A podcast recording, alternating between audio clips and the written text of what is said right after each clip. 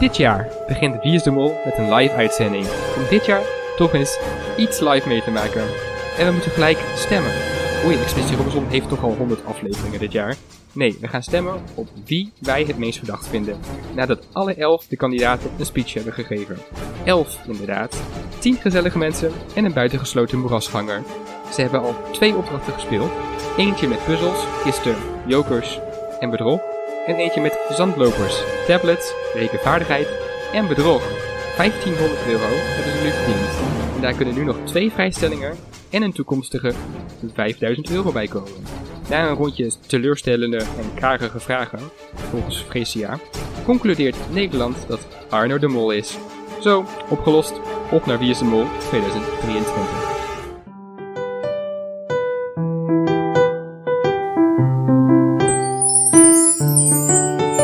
Duik een tunnel in met theorie. Gebruik statistiek of filosofie. Bestudeer gedrag, is dat een slinkse lach? Met een sterke hint kom jij voor de dag. Wie is de mol? Oh, we vinden hem niet. Er is totale tunnelpaniek. Totale tunnelpaniek. Welkom, paniekzaaiers, bij Totale Tunnelpaniek, waar wij de voorbeschouwing van het aankomende 22e seizoen van Wie is de Mol gaan bespreken. We zijn weer terug naar onze winterslaap, of nou ja, zomerslaap. We gaan niet alleen de nieuwe Wie is de Molcast bespreken, maar ook even kort onze eigen nieuwe cast van panikerende podcasters. Bij mij zit in ieder geval eh, Lars, een oude bekende. Zo Lars, nog iets gebeurd in Limburg eh, afgelopen jaar? Of, eh, Ehm, ja, eh, brandhaard geweest en that's it. Dus eh, ja, niet veel eh, anders dan je van Limburg zou verwachten. Nee, oké. ja. Nou ja, vorig jaar ben jij bij onze podcast gekomen als een soort van... Nou ja, je moest een beetje onze zacht sprekende engel worden om ons op het juiste pad te brengen. Dat is helaas niet gelukt. Sorry. maar toch heb je me teruggevraagd. Ja, we moeten, moeten toch na- natuurlijk een beetje die, eh, die, die, die speling houden, hè. Dat er dan iemand fout zit. Mhm. ja, Maar eh, hoe, hoe denk je dat het eh, dit jaar zou gaan? laat ik me meteen al mijn ja, arrogantie uit het raam gooien en gewoon zeggen dat ik er helemaal niks van kan. Ik ga weer floppen dit jaar. Dus het kan alleen maar beter worden. En ja, daar hou ik het bij. Oké, duidelijk, duidelijk. Dan hebben we een nieuwe podcaster onder ons. Ja, die gaat ons eh, hopelijk wel iets meer wegwijs maken. Want wij gaan de weg niet meer kwijtraken met onze eigen Tim Tim. Ja hoor, bij deze weg linksaf, ik ben er. Hallo. Hallo. Zo. Nou, voor onze luisteraars, stel jezelf eens even voor. Ik ben eh, Tim, ik ben 28 jaar alweer en echt al een super lang Wie is de Mol kijker. 2005 was mijn eerste seizoen, ik was er echt eh, heel vroeg bij. Niet heel vaak goed gehad, dus het gaat helemaal goed komen. En ach, hè, met een omweg komen we uiteindelijk ook wel bij de finale terecht, toch? Zeker, zeker. Uiteindelijk komen we er terecht. Het is nog de vraag hoe. Dat is de afgelopen seizoenen eh, een wilde weg geweest. Vanaf wanneer ben jij ongeveer Wie is de Mol gaan, gaan kijken? Eh, vanaf 2005, toen, ik weet niet hoe het zo kwam. Ik eh, was een beetje aan het zappen op de tv. En toen was opeens daar Mark Marie, die heel vrolijk aan het praten was. En dacht van, oh, wat een leuk stemmetje.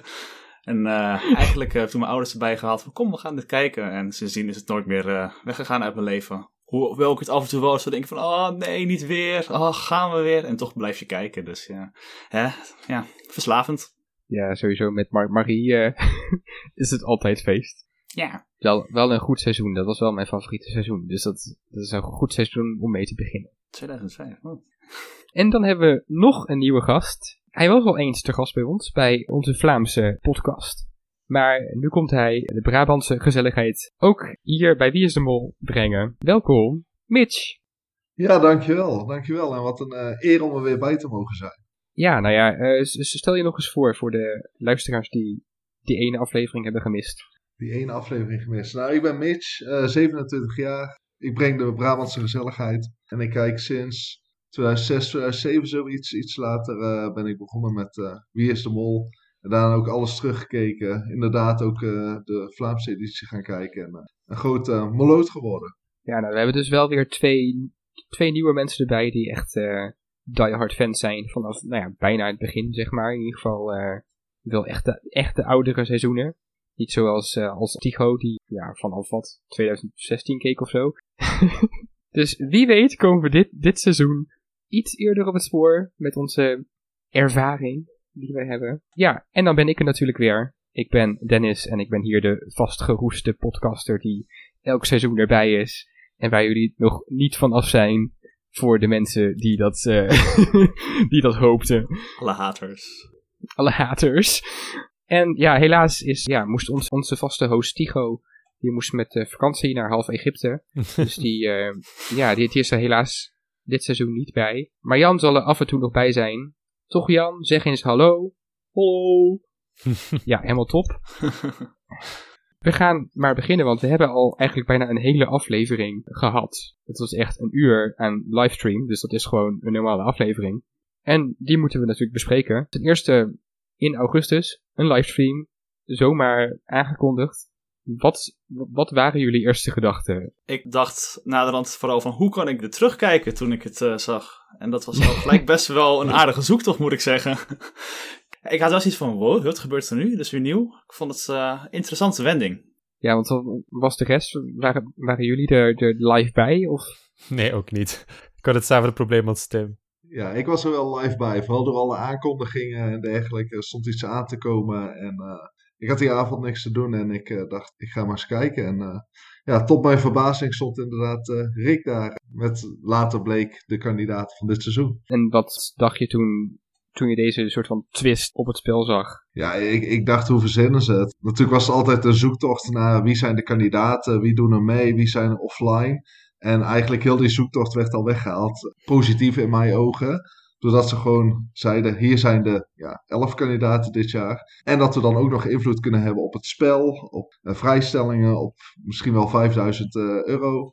Ja, dat is natuurlijk uh, een supermooie twist. Ja. ja, elf kandidaten dit seizoen. Dat is, dat is ook onverwacht. Tenminste, denk ik. Waarom, waarom elf kandidaten? Geen idee. Uh, het enige wat ik moet... Ja, ze hebben dat eens eerder gedaan in seizoen 3 en daar was ook niet aan gereden voor. Dus waarschijnlijk dat ze gewoon iets weer... Dat ze een verrassingselement willen gebruiken. Ja, ze hebben nu zes vrouwen, vijf mannen. Dus je zou misschien denken van... De mol is een vrouw en dan zijn de rest... Ja, de, de, de overgebleven tien zijn kandidaten. Maar ja, je weet het niet wat ze allemaal voor ons in petto hebben. Ja, hoe, hoe was het met het eerste seizoen ook alweer dat ze met elf kandidaten hadden? Toen hadden ze ook meer mannen, toch? Volgens mij wel. Toen hadden ze volgens mij één man meer, toch? En toen was uiteindelijk een man ook de mol. Mitch, weet jij dat nog? Ja, uh, ik, ik moet het eigenlijk weten. Ik begin nu te twijfelen. Volgens mij was het een vrouw meer. Maar nu begin ik zelf te twijfelen. Terwijl ik altijd roep dat dat mijn favoriete seizoen is en uh, mijn favoriete mol. Dus ja, ik twijfel. We gaan het nog even opzoeken. Hallo, dit is Dennis van de toekomst. Het waren inderdaad zes mannen. En er was toen een man, de mol. Ik had gelijk. Het is wel bijzonder dat er dan opeens weer elf kandidaten zijn. Dat je denkt van, er gaan natuurlijk alweer hints rond op het internet, hè, want het is seizoen 22 en het is 11 voor alle cijferfanaten onder ons. Ik walg ervan. Maar die zijn er genoeg. Dus ja, weet je, we kunnen erop volop los speculeren. Ik denk dat we heel veel 1-2'tjes zullen zien dit seizoen. Letterlijk en figuurlijk dan, zoals je het misschien wel door hebt. En ja, ik ben heel benieuwd wat het gaat doen. Of dat het gewoon een beetje opvulling is en ze wilden een extra aflevering. En de Afrotros had zoiets van, ja, we willen meer geld of meer kijkcijfers en we halen dat binnen. Dus uh, we gaan het zien.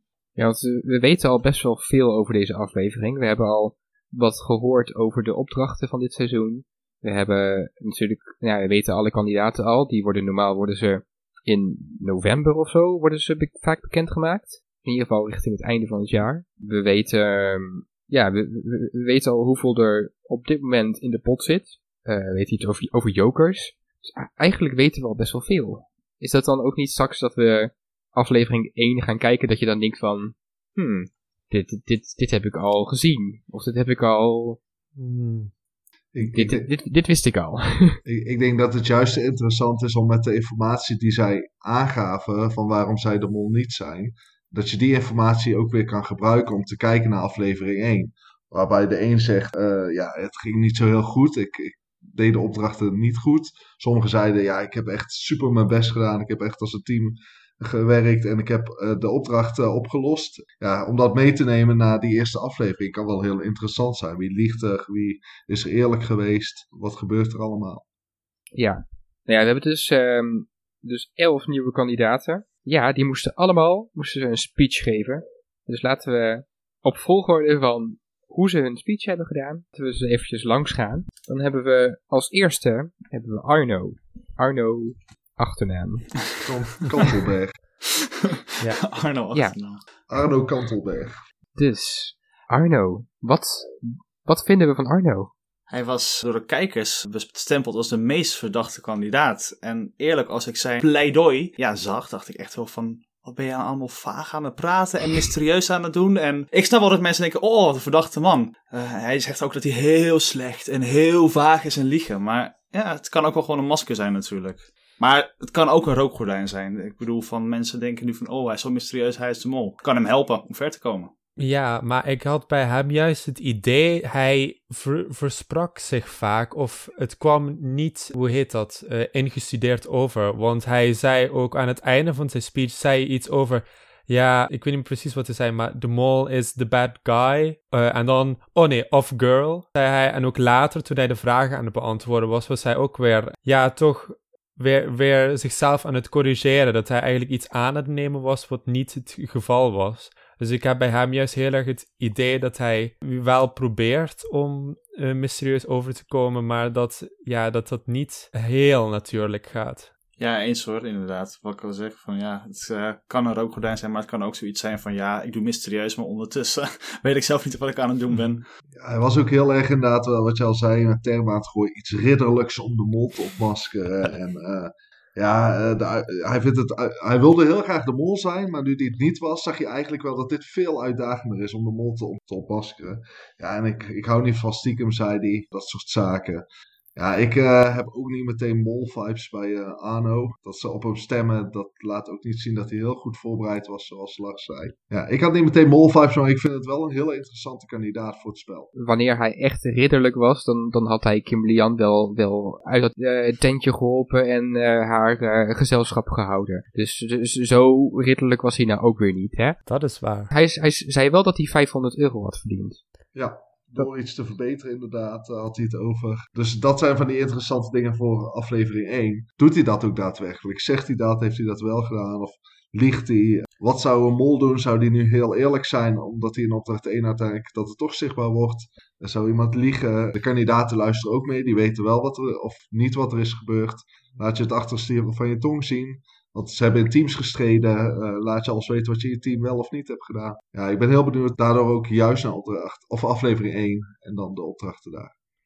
Ja. Ik, ik denk dat dat een heel goed punt is wat je daar zegt. Dus we we hebben ook maar bepaalde informatie. Dus zelfs het verdienen van geld op zich kan misleidend zijn. Want we hebben gehoord in die eerste opdracht kunnen ze waarschijnlijk jokers kopen van geld. Dus zelfs als je dan Ja. geld verdient, dan kan het juist ook een molactie zijn. Ja, ja we, we hebben inderdaad gehoord dat ze, ze hadden 1400 euro hadden ze verdiend. Dat, was- ze waren in twee teams. Eén team had een kist met, met 1400 euro. En de andere, het andere team had een, had, een, eh, had een kist met jokers. En dan mocht het team met geld, die mocht voor 200 euro per joker, PJ, Pieter Jan, mochten ze jokers aftroeven. Niet afpakken, maar aftroeven. Ja, en was daar nou iets van achtergehouden? Of ga ik nu eventjes eh, Arno voorbij? Want dat hoorde ik heel veel van, ja, er is een joker achtergehouden. Maar, Ja, dat heeft iemand gezegd inderdaad. Dat, dat er geteld is en dat er een joker achtergehouden is. oh. Dus, dus ja, laten we doorgaan naar eh, de tweede kandidaat. De tweede kandidaat is Everon. Hoe schreef je Everon, ja. ja, Klopt. ik zat al te denken. Even rond, ja. Everon. Everon. Ja, bekend van eh, GTST, weet ik in ieder geval. Ondanks dat ik dat niet kijk. Ja, Everon. Die had graag de rol van zijn leven willen spelen, maar het werd hem niet gegund. Ik vond echt dat hij precies deed wat, wat een mol in mijn ogen zou moeten doen. Hij speelde heel erg op gevoel in. Hij begon gelijk met excuses aan familie, vrienden, dat hij niet een film aan het opnemen was, maar dat hij hier dus zat. En ook inderdaad heel erg op het gevoel van, ja, ik, ik ben een acteur en ja, ik kan ook goed liegen, maar helaas is die rol van mijn leven voorbij. En ik had heel, heel, heel, heel graag de mol willen zijn. hij speelde heel erg op het gevoel in. En ik denk dat dat toch wel deels mensen ook wel raakt om niet per se op hem te stemmen. En waar Arno weer met feiten kwam, was hij heel erg op dat gevoel aan het spelen van... Ja, ik had het graag gewild, maar ik ben het niet. Dus ik vond hem, uh, ik vond hem wel opvallend. Ja, en hij deed het gewoon heel, heel erg op basis van gevoel. Ja, dat, is, dat is wel slimmer als mol, toch? Een beetje op gevoel uh, ingaan. Hmm. Ja, ja, je speelt echt in inderdaad. Ja, gewoon het begin vond ik heel sterk. Dat hij echt ja, excuses aanbood aan zijn familie, uh, aan zijn vrienden, dat hij dus geen film aan het opnemen was. Het kwam, dat komt oprecht over van, oh ja, grappig en een beetje lollig. Waardoor je wat meer gevoel bij hem krijgt, wat meer, minder dat strakke van Arno, wat meer een losse vent ziet, die wat vertelt over hoe, hoe, hoe hij beleeft. Hij had het ook minder over, over de opdrachten en wat hij wel of niet goed had gedaan. Terwijl heel veel kandidaten ook, wat je straks ook ziet en wat Arno deed, ik heb 500 verdiend of ik heb goed mijn best gedaan, ik ben fanatiek. Had hij daar eigenlijk vrij weinig over. Het speelde heel erg op, ik ben acteur, ik zou het goed kunnen, maar ik ben het niet. Ja, als ik daar ook op mag inhaken. Ik vond in zijn pleidooi ook heel erg dat hij de allemansvriend was. Hij zei van, ja, en het is gezellig en het een goede groep en we hebben goed samengewerkt inderdaad. En hij was, wat je zegt, heel erg op het gevoel bezig. En dat vind ik wel, ja, ik weet niet wat ik er nog van vind, of dat dan mol is of niet. Maar het, het heeft wel inderdaad, hij wilde echt wel die allemansvriend zijn. En dat straalt hij ook echt wel uit als ik uh, zo naar hem keek ja, in die ene minuut. Ja, hij glundert echt van oor tot oor. Echt het schat. Lars is gewoon stiekem een beetje nee, verliefd op nee, even. Zei die heel zwoel. niet, niet stiekem, niet stiekem. Oké, okay, volgend Oh, onderwerp. niet stiekem, gewoon, ja. dat kan ook nog. Oké, okay, Freesia. Freesia, de derde kandidaat. Die aangeeft heel fanatiek te zijn. En die inderdaad ook heel fanatiek nog tegen de ki kijkers zegt van... Jullie stellen wel echt teleurstellende vragen. En echt, Oh, dat was zo echt mooi. heel karig. Het is echt... Uh, ik, had, ik had meer niveau verwacht van jullie, jongens. Wat is dit? Vraag, ja, ik, Dus- ik ken haar eigenlijk helemaal niet. Ik ben niet zo'n sportliefhebber en zo. Geen voetbal, Formule 1, weet ik veel wat zij allemaal doet. Misschien moet ik het even aan Mitch vragen of zo. Van, kennen we Freesia? Of uh, Ja, hoe is zij normaal? ja, Freesia is wel inderdaad echt zo'n sporttype. Fanatiek, dat geloof ik ook echt wel. Ja, ze, ze staat altijd langs de lijn bij het voetbal en dergelijke. Stelt goede en gevatte vragen. Is wel ook iemand die ja, best wel stevig durft in te gaan als ze vragen stelt. Dus ik vind dat, ja, vond ik niet opvallend. Ik, ik weet ook niet echt wat ik dan wel vond. Ik, zei al, zij speelt dus wel in, inderdaad in op het fanatieke. En ze gaf aan, niemand verdenkt mij en dat heeft een reden. Ja, zij speelt daar net wat meer op. Maar dat deden meer kandidaten. Dus ik weet ook niet of dat per se de zoektocht naar de mol makkelijker maakt. Maar ik vond dat heel veel mensen, waaronder zij, heel erg op het fanatieke speelden. En uh, ja, ik, ik, vond, ik vond haar heel moeilijk te lezen, ondanks dat ik haar wel ken. Ja, ja het, het werd op zich wel beaamd, ook door, door de groep natuurlijk, dat, dat het een hele fanatieke groep is. En ik, ik weet niet zo goed of zij deze persoonlijkheid, die zij hier ook heeft laten zien al, dat ze, of ze dat goed, goed zou kunnen spelen. Ik denk wel dat, het, dat zij inderdaad echt zo is. En dat het dan daardoor, dat ze iets minder verdacht is voor mij al. Ja. Maar het kan een hele goede dekmantel zijn. Ja, je, zag het bijvoorbeeld eerder bij Jan. Die, die was ook qua type altijd zo. Dus uh, je kunt ook je eigen persoonlijkheid uitvergroten. En dat, dat is misschien wat ze heeft gedaan door echt te noemen fanatiek. Niemand verdenkt haar, dat heeft een reden. Uh, ja, dat, dat, dat zou je ook achter haar zoeken als je haar wat beter kent. Dus ja, het zegt natuurlijk niks. Dat maakt het ook zo moeilijk aan zo'n kort stukje van meestal ongeveer een minuut. Soms iets langer, soms iets korter. Ja, daar kun je niet alle informatie uithalen die je eruit zou willen halen.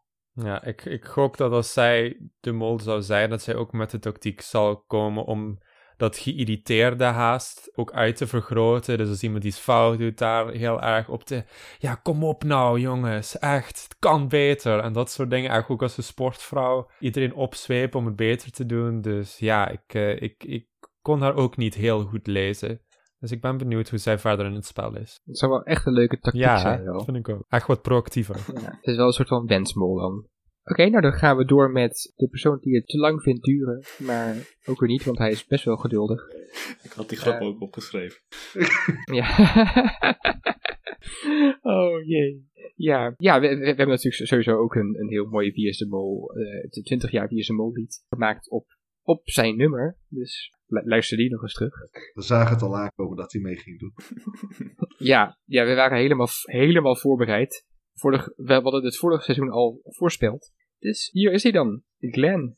Glenn Varia. Wat vonden we van Glenn? Ik kan me niet Lars? precies meer herinneren wat hij in zijn, in zijn speech zei, maar hoe hij op mij overkwam, ook tijdens de vragen beantwoorden, hij kwam heel erg authentiek op mij over, oprecht. En ja, voor nu staat hij heel laag op het lijstje met wie de mol kan zijn. Eh, ik weet niet of iemand anders daar een andere mening in heeft. Ja, wat, wat ik op vond vallen is dat hij eh, het negatieve een beetje uithaalde. Waar de meeste heel positief, ik ben fanatiek, ging hij juist inspelen op. Ik denk dat er wel heel veel wantrouwen is eh, richting mij vanwege de sfeer en de grapjes die ik probeer te creëren. Zo zit ik in elkaar, dat doe ik thuis op mijn werk. En daarna gaf je nog wel aan, ik had een grote rol in het behalen van de winst bij de opdracht. Alleen, ik mis, ja, ik, ik vond het opvallend dat hij juist dat negatieve naar boven bracht. En dat zag ik bij één andere kandidaat even snel in mijn hoofd. De rest was eigenlijk heel erg zichzelf aan het omhoog praten. En hij begon juist met, er is waarschijnlijk heel veel wantrouwen richting mij. En dat probeerde hij ja, te weerleggen. Maar of hij de mol is, nee, dat, dat, ik zie hem niet hoog op mijn lijstje staan, nee. Oké, jongens, even paniek. Lars is verdwenen van het beeld. Oh nee, oh nee, wat moeten we nu? Over Glenn. Ja, hij, hij, wat, wat eh, Mitch zegt hè, over, dat, eh, over zichzelf praat, maar ook hij is een beetje zichzelf aan het beschrijven inderdaad als een soort type van, ja, hè, want hij benoemt eh, wat hij doet en inderdaad in die groep. Vind ik wel bijzonder. Ik weet niet, ik heb wel zoiets van, ja, ik weet niet hoe goed hij kan liegen, dat is wel inderdaad echt een twijfel, maar ik denk ook wel dat het iemand is die heel veel mensen heel snel af zullen schrijven. En het moet toch even benoemd worden, is toch wel de hele mysterieuze groene afdruk bij Glenn op de Wisdom Mol site. Het zit me niet lekker. Eventjes voor de mensen die het niet weten en misschien uh, Dennis begint al te lachen en denkt, oh nee, gaan we nu al zover? Ja, we gaan nu al ergens heen. Ja, ongeveer op 10 december ongeveer uh, kwam er uh, iemand naar ons toe die zei van, ja, hey, um, ja, als je nu kijkt bij de kandidaten op de Wisdom Mol website, zijn alle kandidaten zijn rood of zwart gekleurd, hè? gewoon alsof ze uit het spel zijn. En één iemand is grijs. En dat was Glenn. Ik weet niet waarvoor het is. Was het de stagiair van de Afrotros of was het iets anders? Ik weet het niet. Ja, dat is gewoon weer die, die vervelende stagiair. Die, de, ze moesten gewoon nog even, even laten blijken van... Jongens, de, de stagiair is er nog. Kijk, alles is goed en wel. Of ja, niet helemaal wel. Maar dit, dit gebeurt vaker. En, en ja, toen, toen gaf het ook niet echt iets weg. Dus dat... Ja, nou, misschien is Glenn ook wel een beetje een wensmol voor mij. Juist omdat het een ander soort type mol weer is of zo. Wat meer, ja, wat, ja... Een andere, ja, ander karakter of zo. Minder vrolijk en minder gezellig of zo. Maar juist wat meer down to earth. En ja, dat, ik weet niet. Daarom heeft het wel zoiets van... Ik zou het wel leuk vinden als hij een mol is. Maar ja, ik ga er misschien te ver al op in. Dus... Hij, hij, hij, was wel heel rustig, was hij. Dat, dat viel me heel erg op. En nu denk ik inderdaad ook wel dat hij wel echt een rustig persoon is ook. Maar toch, met gewoon die livestream waar dan zoveel mensen naar kijken. En dan een executie die aankomt met dan nog mogelijke vrijstellingen. Weet ik dan niet of het dan zeg maar verdacht is of onverdacht dat hij nou zo rustig is. Ja, ik weet het niet. Ik hou het in, ik hou het in de gaten. Het is niet lekker. Oké, okay, nou dan gaan we door naar een collegaatje van uh, Rick. Hila. Die, uh, die is al penningmeester. Dus uh, ja, wat zegt dat? Mm, ja, die klimt snel uh, de ladder van de molcarrière. Uh, ja, ik, ze was echt van als die groep, als iedereen zo fanatiek is, dan kwam zij op mij wel over als nog de fanatiekste. Ze was ook, ik vond haar pleidooi ook echt heel sterk. Maar dat ze het ook had over wat er allemaal in de opdracht was gebeurd. En ook dat er iemand onbetrouwbaar is. Dus ook focus op iemand anders leggen. En ja, eigenlijk ook de manier waarop zij sprak. Ook volledig vol zelfvertrouwen. Ze was niet nerveus. Of dat was in ieder geval niet aan haar te merken. Of je als mol nee. al meteen zo sterk over wil komen. Dat is natuurlijk uh, een beetje ja, een keuze.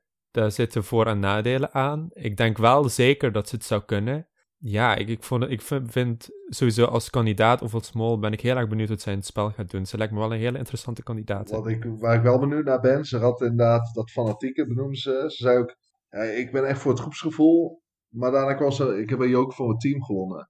En dan denk ik, ja, is de joker voor het team, is dat heel goed voor het groepsgevoel? Uh, ik, ik weet nog niet hoe de opdracht natuurlijk precies in elkaar zit en, en dat soort zaken. Maar ik vond dat wel opvallend. En dat is, ze aangaf, ja, ik heb de opdracht gelukt door mij en ik moest iemand in de gaten houden. Maar daardoor heb ik wat gemiste informatie, dus ik heb nu het geluk van de kijkers nodig. Ja, ik vond wel, uh, ik vond het een heel sterk pleidooi en uh, wat Lars ook zegt, wil je dat op het begin als mol, dat is inderdaad de keuze.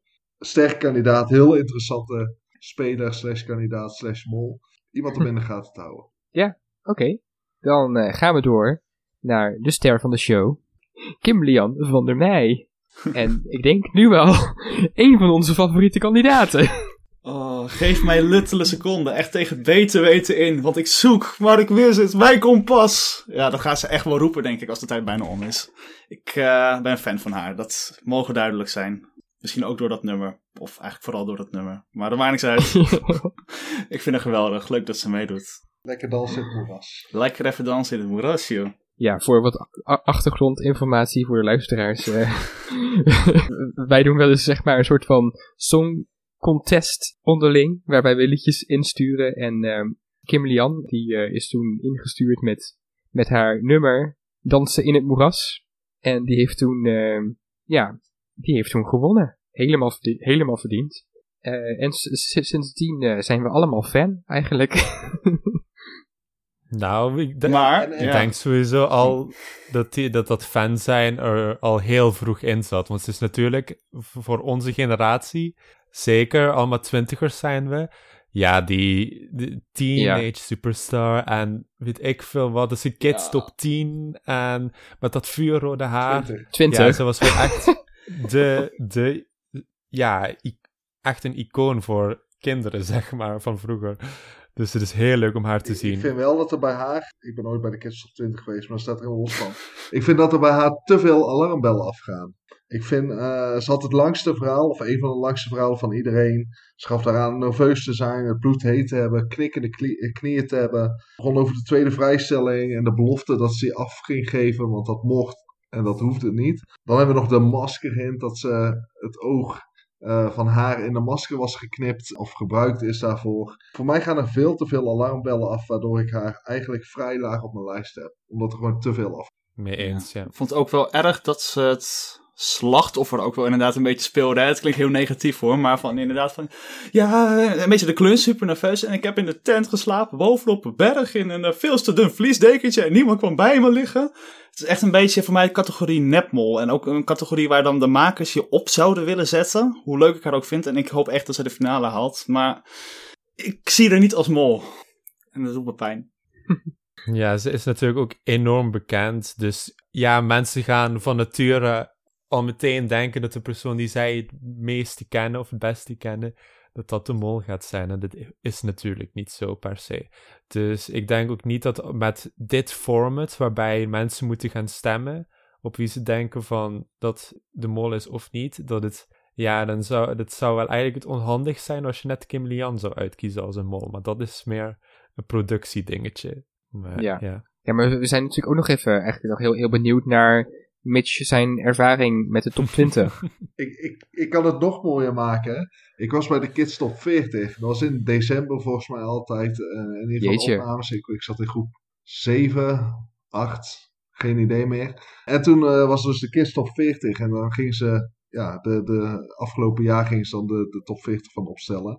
En wij deden dat samen met de andere scholen. En ik zat dus eh, van 21 tot 40. Dus niet de top 20 helaas, maar echt 21 tot 40. Maar het kwam wel, dus wel eh Brace langs, met Hartendief toen nog. Uh, Snappy, dat is Klein Krokodil. Eh, en Kus. Ja! Dus die drie Oh artiesten kwamen gewoon, eh, gewoon langs. En bij, andere, bij de andere kwam eh, Jumbo, weet ik nog. En volgens mij ook nog artiesten van die tijd. Eh, dus een ja, dat was echt eh, fantastisch om mee te maken natuurlijk. Wauw. Wauw. Ik heb het ooit nog terug proberen te zoeken, maar helaas eh, hebben ze dat niet meer. Dus als, als er iemand meeluistert, Kim Lian bijvoorbeeld. eh, je hebt de, de beelden nog van, eh, ja, wat zal het zijn geweest? 2004 of zo. Ja, eh, stuur ze vooral op, zou ik zeggen. We zien ze graag tegemoet. Precies. ja, oké. Nou, dan gaan we door naar onze operazanges, Letitia. Waar je heel erg op moet oefenen hoe je haar naam schrijft. Ga- gaat de A nou eerst, gaat de E nou eerst? Meh. Maar ja, wat vinden we van Letitia? Wat een stem. Echt wat een stem Ja. ze. Ik heb haar toevallig gisteravond voor het eerst op tv gezien. Bij Maestro. En toen werd ze bijna gesmoord door Simone Kleinsma. Omdat die haar niet goed aangaf. Maar het viel me gelijk op hoeveel pit zij had. Hè, en hoe karakteristiek ze is. Ik kende haar totaal niet. En ik werd eigenlijk spontaan verliefd op haar. Dat ik denk van... Oh, ik hoop dat jij het zo leuk het spel gaat spelen. Dus los van de bekendmaking, daar, ja, daar ben ik echt wel voor gevallen. En ook in haar uh, pleidooi was het wel erg uh, ja, enthousiast en vrolijk en een beetje pit. En ik hou daar wel van dat soort kandidaten. Niet te, maar gewoon meer, ja, ja gewoon bam. Ja, zoals in haar speech toch ook wel wel, zoals Jan zou zeggen, een beetje een onzeker mm. gansje. Ja, ik, ik, vond het een, uh, ik vond het een korte speech en ik denk dat dat wel interessant is, zowel als mol als kandidaat, maar vooral ook als mol. Hoe meer je zegt, op hoe meer punten ze je kunnen pakken. Ik denk iemand met een lang verhaal, zoals bijvoorbeeld Arno, dat dat verdachter is dan iemand met een korter verhaal, zoals Letitia in dit geval. Gewoon, dit is het en klaar. Minder plekken waarop mensen kunnen denken, oh, dat vind ik verdacht. Op zich is dat wel een tactiek, als je dan zeg maar denkt van, ik, ik, ga, ik ga gewoon een korte speech geven die misschien niet, niet zo opvalt tussen al die lange speeches. Misschien vergeten mensen dan wel om, om op mij te stemmen. Ja, dat is wel een goed hmm. punt. Hmm. Ik vond trouwens hmm. De uitspraak aan het einde van haar ook wel opvallend. Moet je goed luisteren. Ik wil die verrader ontmaskeren. En als dat niet lukt, ga ik gewoon heel erg genieten. Ik bedoel, zegt zij dat als kandidaat? Dat zou kunnen, hè, dat ze echt wil gaan genieten. Of heeft ze daar stiekem al haar de eerste molbiecht opgenomen, nog voordat het seizoen is begonnen? Ik weet het niet. Misschien heeft het er ook iets mee te maken, want dat heb ik ook gehoord, dat ze dus, ze, als ze afvallen, dan vliegen ze niet naar huis. Echt? Ze, ja, ze, ook dat, de, de, de hele groep is gewoon, de hele reis zijn ze in Albanië geweest. Ja, dat lijkt me ook wel logisch natuurlijk, nu we weten dat ze weg zijn en wie meedoen. Ja, als jij ineens... Uh Everon of Glenn of wie dan ook uh, tegenkomt op straat, ja, dan weet je wel hoe laat het is als dat binnen twee weken is, of drie weken. Mm, ja. En dat gebeurt ook eigenlijk meestal in van die reality tv eliminatieshows, dat als er ja, iemand afvalt, dat die dan eigenlijk meestal op het hotel waar ze dan geboekt zijn blijven zitten en dan niet, ja, meteen terug naar huis kunnen. Dus ja, ik denk dat, ja, het klopt wel, denk ik. Ja, daar hebben ze dan wel weer over nagedacht. Ja, wat ik nog wel, wel heel benieuwd naar was, ik weet niet of dit het juiste moment is, de telefoons. Want je mag de laatste jaren dus wel je telefoon meenemen. En nu weet dus iedereen wie meedoet. De, de maskerhint van Kim Lian is besproken. Glenn zijn hint is nu pas echt naar buiten gekomen natuurlijk. Maar zo zijn er wel dingen heel veel besproken. Kunnen zij het nog op een telefoon? Ik denk niet dat jullie de antwoorden hebben, maar ik was wel heel benieuwd. Dat is iets waar ze minder goed over na hebben gedacht misschien. Want ik weet onder andere dat, uh, dat uh, Suzanne, dat die, die heeft dus tijdens die opname heeft ze een Instagram post geliked van de maskerhint. dus, dus ja, de kandidaten hebben die hint zeker meegekregen. Dus dat maakt het misschien ook weer onwaarschijnlijker dat het echt een hint is. Of dat ze, ja, ik bedoel, je moet wel echt als productie wel wel echt een heel groot risico nemen als je dan echt gewoon een grote hint hierin gaat stoppen. Dus dat, dat doet mij zeker wel ook twijfelen aan of dat überhaupt een hint is. Ja, Klopt. Die, die maskerhint ook. Het zou me ook niet verbazen als ze gewoon allemaal zo'n foto hebben gemaakt hè, van tevoren met zo'n masker op. En dat ze dan dachten van ja, Kim Jan heeft zo'n mooi kopie, die uh, plaatsen we ter promo. Ja, ik weet het niet hè. De stagiair is er weer los op gegaan, dus ja. ja. Zullen we die naam geven, de stagiair? Ik bedoel, dat is toch wel iets persoonlijker dan de stagiair van de Afrotros.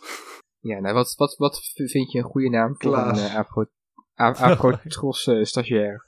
Klaas is inderdaad wel echt zo'n Afrotros stagiairnaam. En daar ging ook niet alles goed, hè? Dus dat zou wel een goede combinatie zijn. Dan, dan heet hij vanaf nu Klaas. Dus uh, ja, you're welcome Klaas. Je bent nu onderdeel van ons, uh, onze podcast. En uh, elke keer als er iets fout gaat, dan, dan, dan gaan we jou de schuld geven daarvan. Dat je het even weet. Klaas en productie. Dus ja, toen kwamen we aan bij uh, Sahil. Sahil. Oh, Sahil. Sorry. Anders kregen we allemaal boze berichten na de rand. Moeten we dat weer gaan rechtzetten en excuses gaan aanbieden? Ik heb gehoord hoe dat in eerdere seizoenen ging. Daar wil ik niet aan beginnen. ja, dat was ook één grote verspreekshow. Dus dat, uh, ja. Oké, maar uh, Sehil. Ja, ik ben echt uh, fan. Hoe hij het uitlegde, ik weet niet of het heel handig is. Hij noemde zichzelf niet de beste kandidaat. Had al wel wat puzzels opgelost. Uh, hij was niet de beste kandidaat, maar hij zou een nog slechtere mol zijn. Um, en toen zei hij daarna letterlijk: Ja, een goede mol zit op de achtergrond en daar hou ik niet zo van. Toen dacht ik: Ja, ben je dan nu heel erg op de voorgrond aan het treden? Want je zegt: Ja, ik ben een nog slechtere mol, maar een goede mol zou op de achtergrond zijn. Ik niet. Dus is dat een soort hint naar jezelf? Het is wel, wel een leuk type, denk ik, om erbij te hebben. Ik geloof niet meteen dat hij de mol is. Ik vond het wel interessant. ik denk wel dat het zo'n fanatieke kandidaat is waar je mee kan lachen en die wat domme foutjes maakt, maar wel gewoon heel fanatiek. Ja, het is ook wel weer wel goed gekast of zo. Bijna elk seizoen heb je wel zo'n jong BNN-gastje erbij zitten. Of niet elk seizoen, maar heel veel seizoenen. En als ik dan even naar het verleden ga kijken, zijn er toch wel vaak succesvolle kandidaten. Ik heb nog niet echt eerder een mol daarmee gehad, als ik goed ben. Maar wel hè, Tim Hofman in de finale gehaald. Dennis Storm heel ver gekomen. Allemaal van dat soort ja, ik wil niet zeggen hetzelfde types, maar ik hoop dat iedereen snapt wat ik bedoel. Dus dat is wel leuk. En ja, Ja. ik vind eh CEO echt gewoon een heel tof persoon. Hij lijkt de dingen fout gedaan te hebben. Ik weet niet hoe hij in een groep ligt. Dat vind ik ook wel interessant, hoe dat naar voren kwam. Dus eh, ik ben eh, klaar voor de drama. Ja, hij is eigenlijk zelf al van, ja, ik ben al duidelijk zo'n boefje, dus het zou niet verstandig zijn om mij dan die rol te geven, want dan, ja, is het vlek op vlek, zei hij. Dus dat vond ik ook wel, ja, ja sterk beargumenteerd. Ja, echt wat e- extra wasverzachter nodig. Ja, op zich, Arno die noemde de mol ook een boef. Dus het is wel een, een, connectie. Ik begin hier achter op mijn prikbord al lijntjes te trekken, zo hoe de connecties lopen, joh. Ja, dus m- misschien vindt, eh, vindt Arno dan Sehil wel heel verdacht. Hmm. Heel interessant. Dan gaan we door naar eh Suzanne Kleeman. Nou, en Suzanne, die, die kan het echt niet zijn, want die heeft haar make-up verwijderd voor een opdracht. Dat, dat, kan, dat kan niet. Dat kan echt niet. Toch? Ja, ik vond haar inderdaad, dat, het hele verhaal duurde ook zo lang, dus het was ook zo van, oké, nu snappen we het wel. Ja, en ik vond er ook wel heel mysterieus acteren ook. Ook met die vragen beantwoorden. Dat ze moesten deze heel geheimzinnig, maar je zag eigenlijk best wel dat het gespeeld was. Dus ik weet, ja, zij is eh, zangeres, geloof ik, van beroep. Ehm, dus geen actrice. Het zou kunnen dat ze een beetje dezelfde tactiek dan gebruikt als de mol van vorig jaar en een beetje stuntenligger speelt. Een beetje toch probeert het spel te spelen, maar dan denken ze van, ach, ja, de, de- die, die kan dat toch niet. En dat ze dan eigenlijk iedereen wel eh, om haar vinger wint. Maar ja, ik, ik, ik, vond niet echt een overtuigende speech. Nee. toch niet? Ja. Ja, ze had ook wel heel wat slechte kwaliteiten, zei ze zelf. Denk je dat het... eh, want dat, dat, dat is nog wel een ding dat de laatste kandidaat die we gaan bespreken, die zei van... We hebben die filmpjes gezien van de, de, de molle citaties. En, en al deze tien mensen hebben volmondig ja gezegd om te vragen of ze de, de mol wi- wilden zijn. Dus, maar Suzanne zegt wel hiervan... Ik zou eigenlijk een hele slechte mol zijn. Maar ik wou het wel zijn. Ja, dat is Hmm. weer een beetje Glenfaria tegenstrijdigheden, maar ik denk, ik denk dat het ook mensen een beetje hun, hun perceptie van zichzelf, dat ze die een beetje zich proberen aan te passen aan wanneer het voor hen uitkomt. Dus als ze bij de mollicitatie zitten van ja, ik kan het eigenlijk heel goed, en dat dan eh, doen. En nu als ze moeten, eh, eigenlijk moeten bewijzen dat ze niet de mol zijn, omdat ze daar een voordeel van krijgen, is het, ja, ja ik, had, ik zou het wel willen zijn, ik zou het kunnen, maar ik zou er heel slecht in zijn. Echt, je moet mij niet de mol maken. Ik kan, het- ik kan het niet. Ik, ik kan het echt niet. En dan, ja, dan heb je de vrijstelling binnen. Dus ja, ik snap het wel. Dat zij eh, eh, een beetje de contradictie aangaat. Ik kreeg wel echt heel erg René Fokker vibes van haar. Ik kon er echt gewoon niks aan doen. En ik weet, ze is geen actrice en ze doet eh, zingen met haar zus. Hè? Hartstikke leuk. Maar ik had echt zoiets van, oh, daar hebben we weer René. Gezellig dat ze er weer bij is dit jaar. Maar nu is kandidaat. Gezellig, leuk.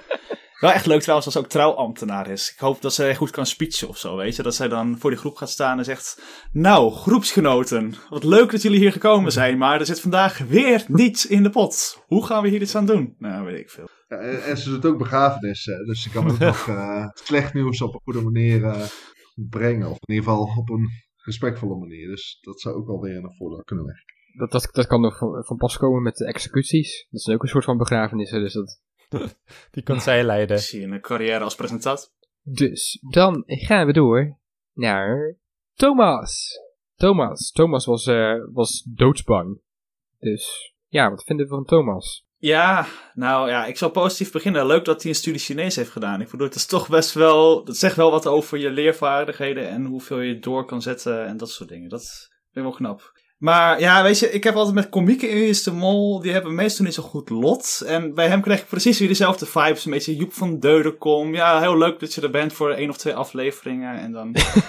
ja, het spijt me echt heel erg, Thomas. Misschien is hij echt een geniale mol. Hè? Ik eh, gun het hem van harte. En maar ik verwacht gewoon niet dat hij echt in het spel goed zit. Tijdens zijn uh, pleidooi leek hij ook niet helemaal in de moment te zijn of zo.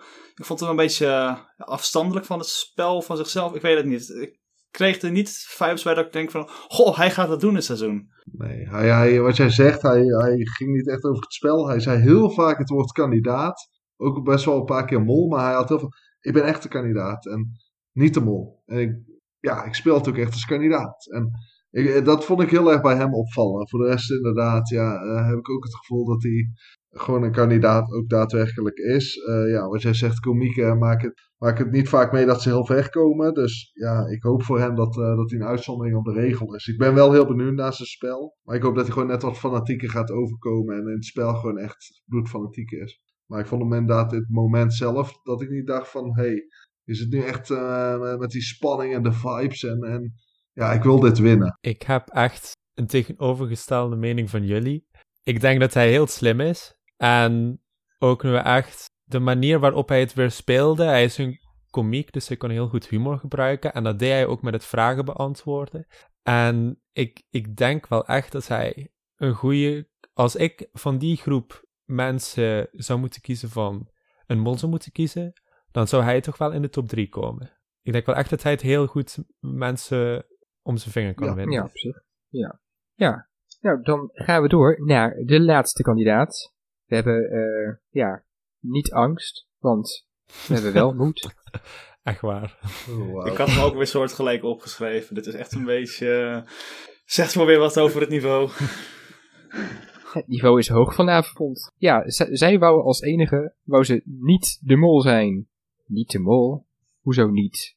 Wat, wat, wat, wat vinden wij daarvan? Ja, ik, vind, ik vind dit een lastige. Ik eh, vind het opvallend dat zij de enige dan zou zijn van niet. Ik denk dat dat ook wel een bepaalde. Dat mensen inderdaad die contradictie opzoeken en denken van hé, hey, zij is als enige nee. Dus dan is het misschien wel. Ja, ik, ik, ik vond het heel lastig bij haar.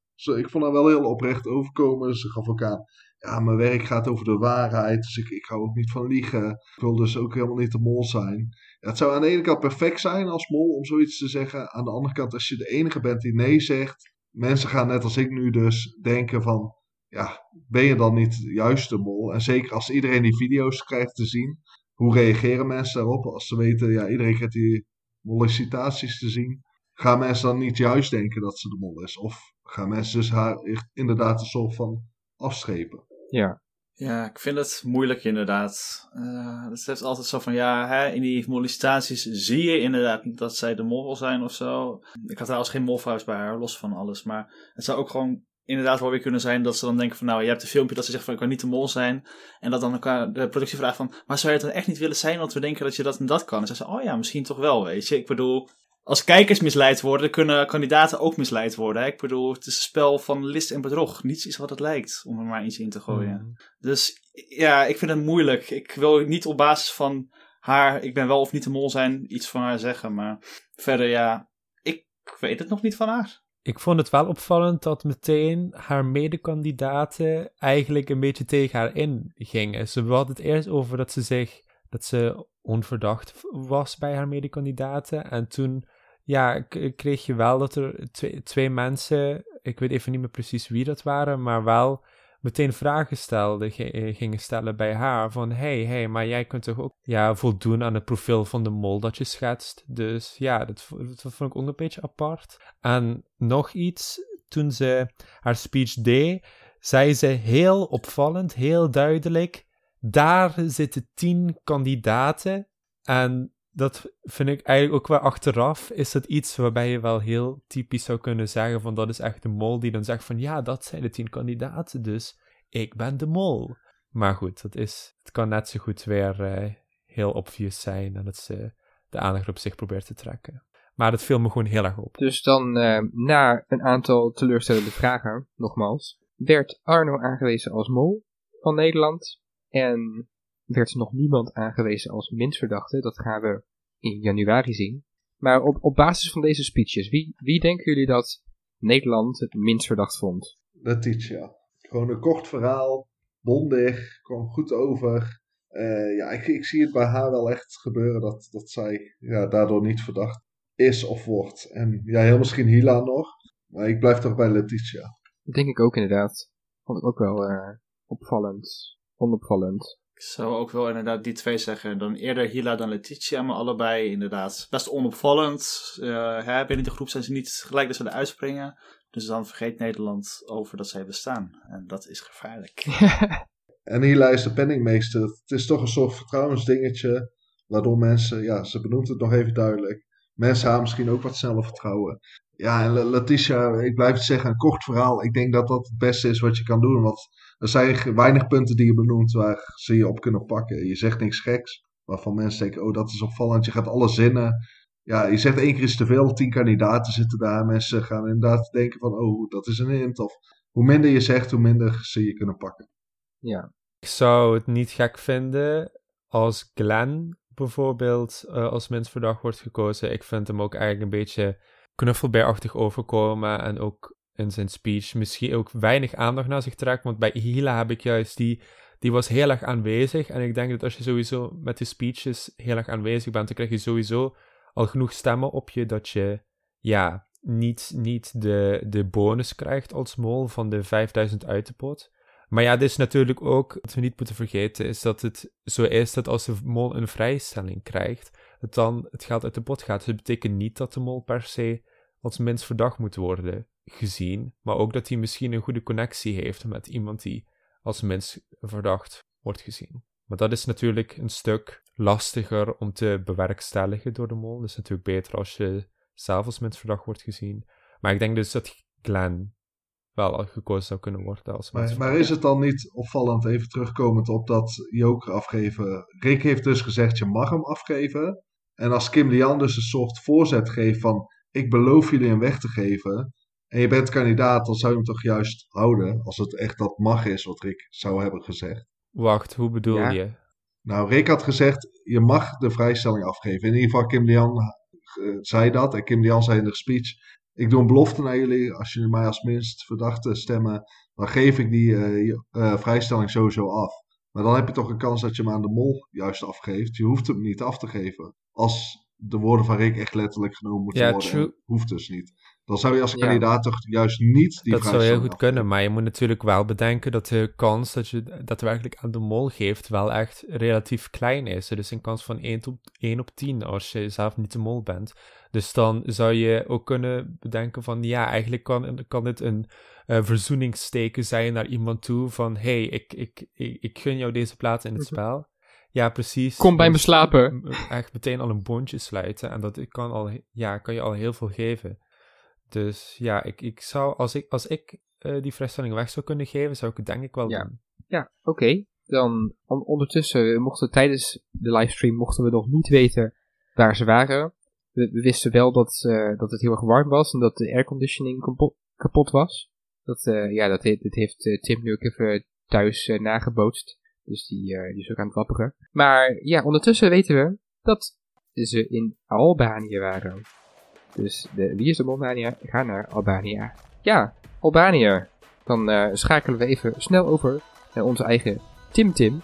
Ja. Tim Tim, wat is er allemaal te vinden in Albanië? Nou, Albanië, het is echt het meest mysterieuze land van Europa. Al dus de ANWB. Geïsoleerd door zijn ligging. Een geschiedenis met communisme, dictatuur en de afbrokkeling ervan. Toch is het een verborgen parel in Europa die steeds meer toeristen trekt. Kijk, nu krijg je er al zin in hè, als ik zo praat. Anders dan denk je van ja, Albanië, maar nu krijg je er goesting in. Maar uh, ja, het is eigenlijk wel terecht, want wie vindt het nou niet mooi om in een Balkanlandschap uh, bouwwerken te zien uit verschillende tijdsgeesten? In Albanië heb je prachtige Griekse steden, ruïnes, forten en natuurlijk heel veel mooie bergen, stranden en wijngaarden. Het is een land dat veel te bieden heeft en ik denk dat het seizoen ook wel heel veel mooie droombeelden gaat uh, bieden. Het is een warm seizoen met mediterrane temperaturen, zoals we dus ook al in de livestream opdracht konden zien. En ik doe straks uh, samen met Mitch wel een paar voorspellingen waar de groep uh, toe zou trekken. Maar ja, niets is wat het lijkt, dus we weten het niet. Maar ik heb eerst een paar leuke weetjes. Want ik denk van ja, we gaan naar Albanië. We moeten wat over het land weten. En een beetje interactie, daar hou ik wel van. Dus um, ja, gewoon even een weetje. Want Albanië betekent het land van de Witte Bergen. Nou, waar zou deze naam nu van komen? Lars? Wacht, land van de Witte Bergen. Omdat uh het heel bergachtig is. En het sneeuwt. Ja, of, of omdat Kim Lian op een berg sliep en er heel wit uitzag. En ik slapen in de sneeuw. Hebben ook de Al Albanese Alpen. Klopt inderdaad, ja. Het is echt een land hè, met eh 70% van het landschap heeft bergen. Het is best wel, zoals ik al zei, geïsoleerd. De hele oostgrens ligt vol met, eh, ligt vol, staat vol met bergen. Dus het is best wel, eh, ja, we gaan echt heel veel bergen zien, gok ik. Maar ja, het is ook wel interessant, want eh, we hebben ook, hè, als het gaat om energiewinning en eh, de toekomst, eh, ja, wij in Nederland hebben we Groningen. Maar hoe doen ze dat in Albanië nou? Eh, Mitch? Oeh, dat is een hele goede vraag. Ik heb mij goed voorbereid, maar dit eh, staat er niet tussen. dit staat niet in mijn lijstje. Doen ze dat vanuit meren? Iets met meren? Iemand anders nog een idee? Gewoon ouderwets uit de zee boren. Boring zeg. Boring. Zo is Lars nog een idee? Ehm, geen idee. Rivier, water, energie. Nou, dat lijkt op meer. Ja, maar meer van dit is wel goed inderdaad. Want het gaat allemaal. Ze halen echt hun, al hun energie. Tenminste, volgens mijn bron op internet. Hè, ik heb het ook maar op Facebook gezien. eh, al hun energie uit stuwdammen. Dus dat is best wel interessant. Dat zij dus nu al gewoon heel groen zijn en alles met water doen. En eh, ja, eh, ik hoop dus ook dat we veel stuwdammen gaan zien. En daar dus misschien wel een eh, opdracht eh, op gaan meemaken. En eh, het is misschien wel Als het op eh, Facebook he- heb, heb gestaan, dan, dan is het waar. hè? Precies, ja, daarom dacht het ook. Ja. Hè? Ik heb mijn eigen onderzoek gedaan, jongens. Ehm, nee, maar ehm, iets anders is ook wel interessant. En dat is gewoon een weetje. Want ehm, als je nee schudt in Albanië, betekent het ja. En als je ja schudt, dan betekent het nee. Dus ik zie nu al Kim Lian hier een fout mee maken. En nog leuker, wat misschien een verborgen hint kan zijn. Als jij zegt, ben jij de mol? En de kandidaat, die knikt nee. Maar dan kan het een ja zijn. Ah, Denk daar eens over na. dat is slim. We gaan er heel goed op letten. Ik, ik, ik voel dat het aan gaat komen. Slim. Ja, Een tenzij, soort van nieuwe, nieuwe Eco is de mol eh, hint. Ja. Tenzij Rick in aflevering 1 zegt natuurlijk hè, van ja, in Albanië zeggen ze geen ja maar nee en nee maar ja. Dan kunnen we deze hint wel gelijk over de vlag heen gooien. Nou ja, en iets anders. Als je honger hebt, heb je in Albanië misschien een beetje pech. Want er zijn geen McDonald's restaurants Oh, in het land. Punt. Nee. Die zijn niet eh, verpest door... eh, door Ja, vast. toch die invloed van het communisme en het eh, oude Rijk. Dus dan toch, ik, ik verwacht dat we daar wel nog wel veel wat van te zien krijgen in ieder geval. Ja, en ik had wel heel mooi allemaal locaties opgezocht, maar ik begreep eigenlijk dat Mitch eh, mijn medereisleider is geworden. Dus misschien is het wel leuk als jij wat locaties vertelt en dat ik dan eventueel nog vertel wat voor opdracht ik daarbij zie. En als ik dan wat mis, dan eh, roep ik wel of zo. Ja, natuurlijk moeten ze naar de hoofdstad, Tirana, met het Skanderbergplein. Daar staat ook in de buurt, hebben ze mij verteld, een ETMB-moskee. Maar ik denk op het Skanderbergplein dat daar wel iets moet plaatsvinden. Denk je niet, Tim? Ja, nou, het is dus een eh, plein hè, met kolossale afmetingen van 40.000 vierkante meter. Dus ik denk dan aan een soort van eh, opdracht waar ze heel wat voorwerpen op anderhalf meter moeten zetten. Gewoon om eventjes een hak te nemen op het afgelopen jaar. Oh, en dat ze dan dat moeten wegdoen. Een soort van wie is het, weet ik veel wat. Het zou natuurlijk echt wel heel leuk zijn als ze die locatie weten te gebruiken. Maar ja, het is een hoofdstad. Wie is de afgelopen jaren wat minder in hoofdsteden geweest. Maar het biedt kansen. Nou, als we dan niet in de hoofdstad zijn eventueel, dan kunnen we altijd nog naar het Nationaal Park Dashti. Die ken ik niet. Klinkt interessant. Ik was bij negen bezienswaardigheden gestopt en dacht ik van ja, ik geloof het wel. Nu val ik Nou. helemaal door de mand. Ja, Nationaal Park. maar ken je dan ook het Nationale Park de Butrint? Ja, die ken ik. Nee. Oh, jammer. Maar goed, ja, lekker fietsen, wandelen. Ja, hij staat op de UNESCO eh, Werelderfgoedlijst. Griekse invloeden. Ja, Ja. en verder ja, heb je natuurlijk nog de, de grootste stad na Tirana is Durres, als ik het goed uitspreek. Juist weer Romeinse invloeden. Het paleis van de voormalige koning, een haven, veel prachtige stranden. Je hebt nog verschillende meren inderdaad, badplaatsen. Ja, ik denk dat het een hele mooie combinatie van natuur en cultuur gaat zijn. Ja, precies. Ze hebben bijvoorbeeld ook echt een meer met eh, heel veel tinten blauw, zoals ze dat dan zeggen. En met een diepte waarvan ze geen eens weten hoe diep het is. Dus ik zou het wel heel gaaf vinden als ze weer een keer echt een goede duikopdracht erin doen. En dan niet eventjes kopie onder en weer terug. Maar echt gewoon dat ze ja, op 20 meter diepte, ik weet niet of dat kan allemaal, hè, jokers hebben en geld hebben liggen. En daar echt iets moeten doen. Dat zou wel spectaculaire beelden kunnen zijn. Ja, en er is ook nog een stadje, dat vond ik ook wel leuk. Dat is Girocastra. Kijk, we moeten een beetje onze uitspraken gaan oefenen. Maar daar hebben ze heel veel kleine winkeltjes. Dus ik weet niet, ze hebben wel eens eerder een foodtruck gerund. Maar ik zie ook wel iets dat ze dan een winkeltje moeten runnen en daar iets mee moeten doen. Maar ja, daar wordt Dennis denk ik wel enthousiast van. Dat zijn Ja, dat, dat, dat klinkt als een hele leuke opdracht. Ja, dat zijn inderdaad Berat en Castra inderdaad. En die noemen ze ook de museumsteden. En dat zijn inderdaad van die pittoreske centra hebben zij, die ook op de UNESCO Werelderfgoedlijst staan. Dus dat zou ook wel weer zo'n typische opdracht zijn inderdaad. Wat ze ook eerder met die uh, voorwerpen hebben gehad. En verschillende andere opdrachten natuurlijk in dat soort stadjes. Ja, precies. Ja, kijk, ik kan natuurlijk de hele uh, toerisme sector voor Albanië gaan promoten. Dus uh, visitalbanië.com. je mag me bellen na de rand hoor. Maar dan spreek ik wel een andere podcast in voor jullie. En dan uh, gaan we daar wel even door.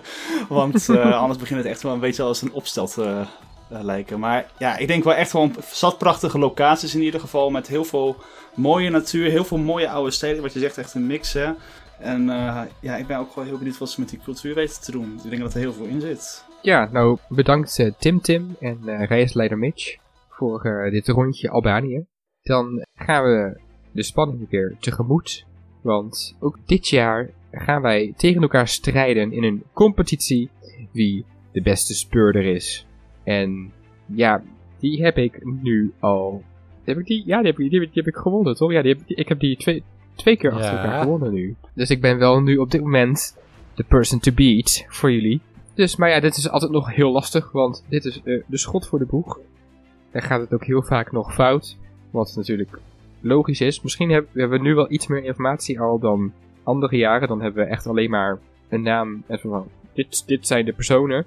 Dus, nou, we gaan in ieder geval een uh, schot voor de boeg doen voor wie de mol is, wie de winnaar is en wie de eerste afvaller is. Dus we beginnen met de eerste afvaller. En dan gaan we naar Tim. Ik uh, was in mijn hoofd bij de, de finalist. Ik weet ook niet waarom. De eerste afvaller, eerste afvaller. Ja, ik hoop echt heel erg dat Lars gelijk heeft. En dat hij heel erg slim is inderdaad. En dat denk ik ook echt wel. Maar ja, het lot van cabaretiers en komieken is gewoon niet zo goed. Dus ik ga voor Thomas. Thomas. Um, ik ga voor Arno omdat ik eigenlijk bij hem de minste mol-vibes heb. En ik gok, ja. Het is gewoon... Het zou wel grappig zijn als hij nu gelijk, nadat hij als mol is, is benoemd door Nederland, dat hij dan gelijk afvalt. Oké, okay, en Mitch? Ik uh, ga voor Suzanne. Ik ja, vind dat te eerlijk te oprecht. Ik uh, voel het niet helemaal met de make-up. Ja, ik heb gewoon geen, geen mol-vibes bij haar. En ik heb gewoon het gevoel dat zij als eerste af gaat vallen. Ja, ik, ik, ik sluit me daar helaas bij aan. Want ondanks dat ik echt Suzanne echt heel leuk vind. En ik hoop dat ze echt niet als eerste naar, huis gaat. Of ja, niet naar huis gaat, maar in ieder geval het spel uitgaat. Denk ik inderdaad, ja, ik een slecht, uh, slecht gevoel daarbij. Uh, dat, dat ze mogelijk diezelfde avond nog een rood scherm heeft gekregen. Dus dan gaan we door naar de winnaar. Wie gaat de winnaar worden? Mitch. Ik ga voor Letitia. Ik vond het heel slim dat ze kort verhaal ophangt. Ik voel wel dat ze de mol zou kunnen zijn. Um, maar ik zie haar wel als een slimme kandidaat ook eventueel. Dus ik uh, ga voor Letitia. Uh, ik ga voor Hila. Ik uh, vind haar heel fanatiek, intelligent overkomen. Ja, ze is ook natuurlijk presentatrice bij Eén Vandaag. Dus dat is ook echt weer een programma waarvan je denkt, dat is ook weer, daar heb je kritische blik voor nodig. Dus ja, ik denk dat zij wel echt ver kan komen. En Tim? Ik ga voor de Sarah Gronis van het seizoen, waar alle hints naartoe leiden en diegene wint uiteindelijk. want dat is gewoon natuurlijk Kim Lian. Dat moet gewoon. Punt. dat is gewoon wishful thinking. ja, maar soms moet je gewoon een beetje durven en vertrouwen hebben in de mensen. Ik bedoel, ze kan wel 50-50 doen, maar ja, dan hè? Ja, ja, ja. ja. Nou, dan uh, sluit ik af met het uh, rijtje dames wat we hebben opgenoemd. En uh, dan ga ik voor Freesia. Want die is zo fanatiek. Die, die, die gaat gewoon sowieso winnen. Dan komen we aan bij de vraag van dit programma. Wie is de mol? En wie is dat? Lars.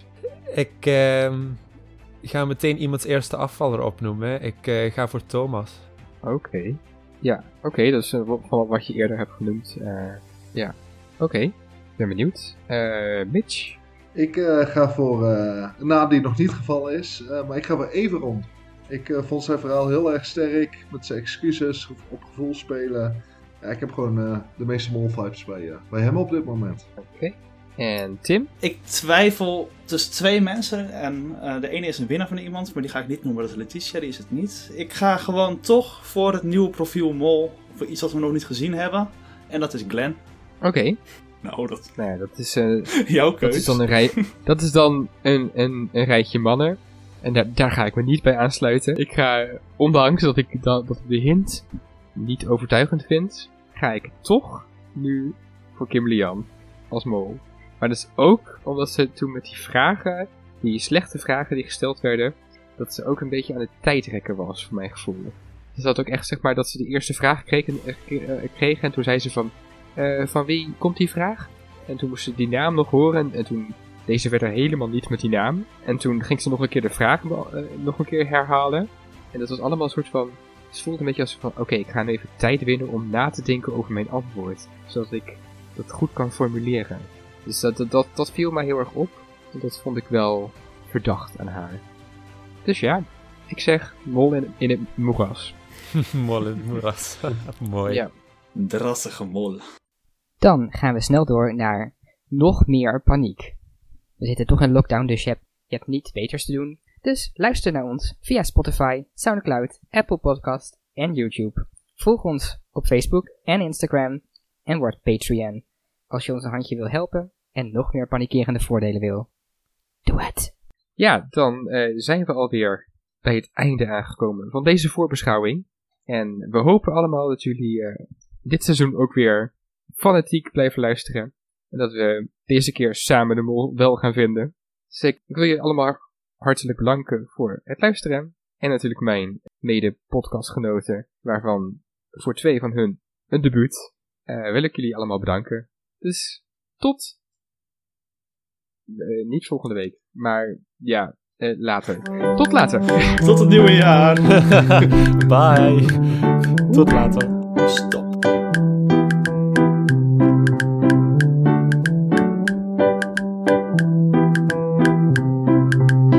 Er was totale tunnelpaniek.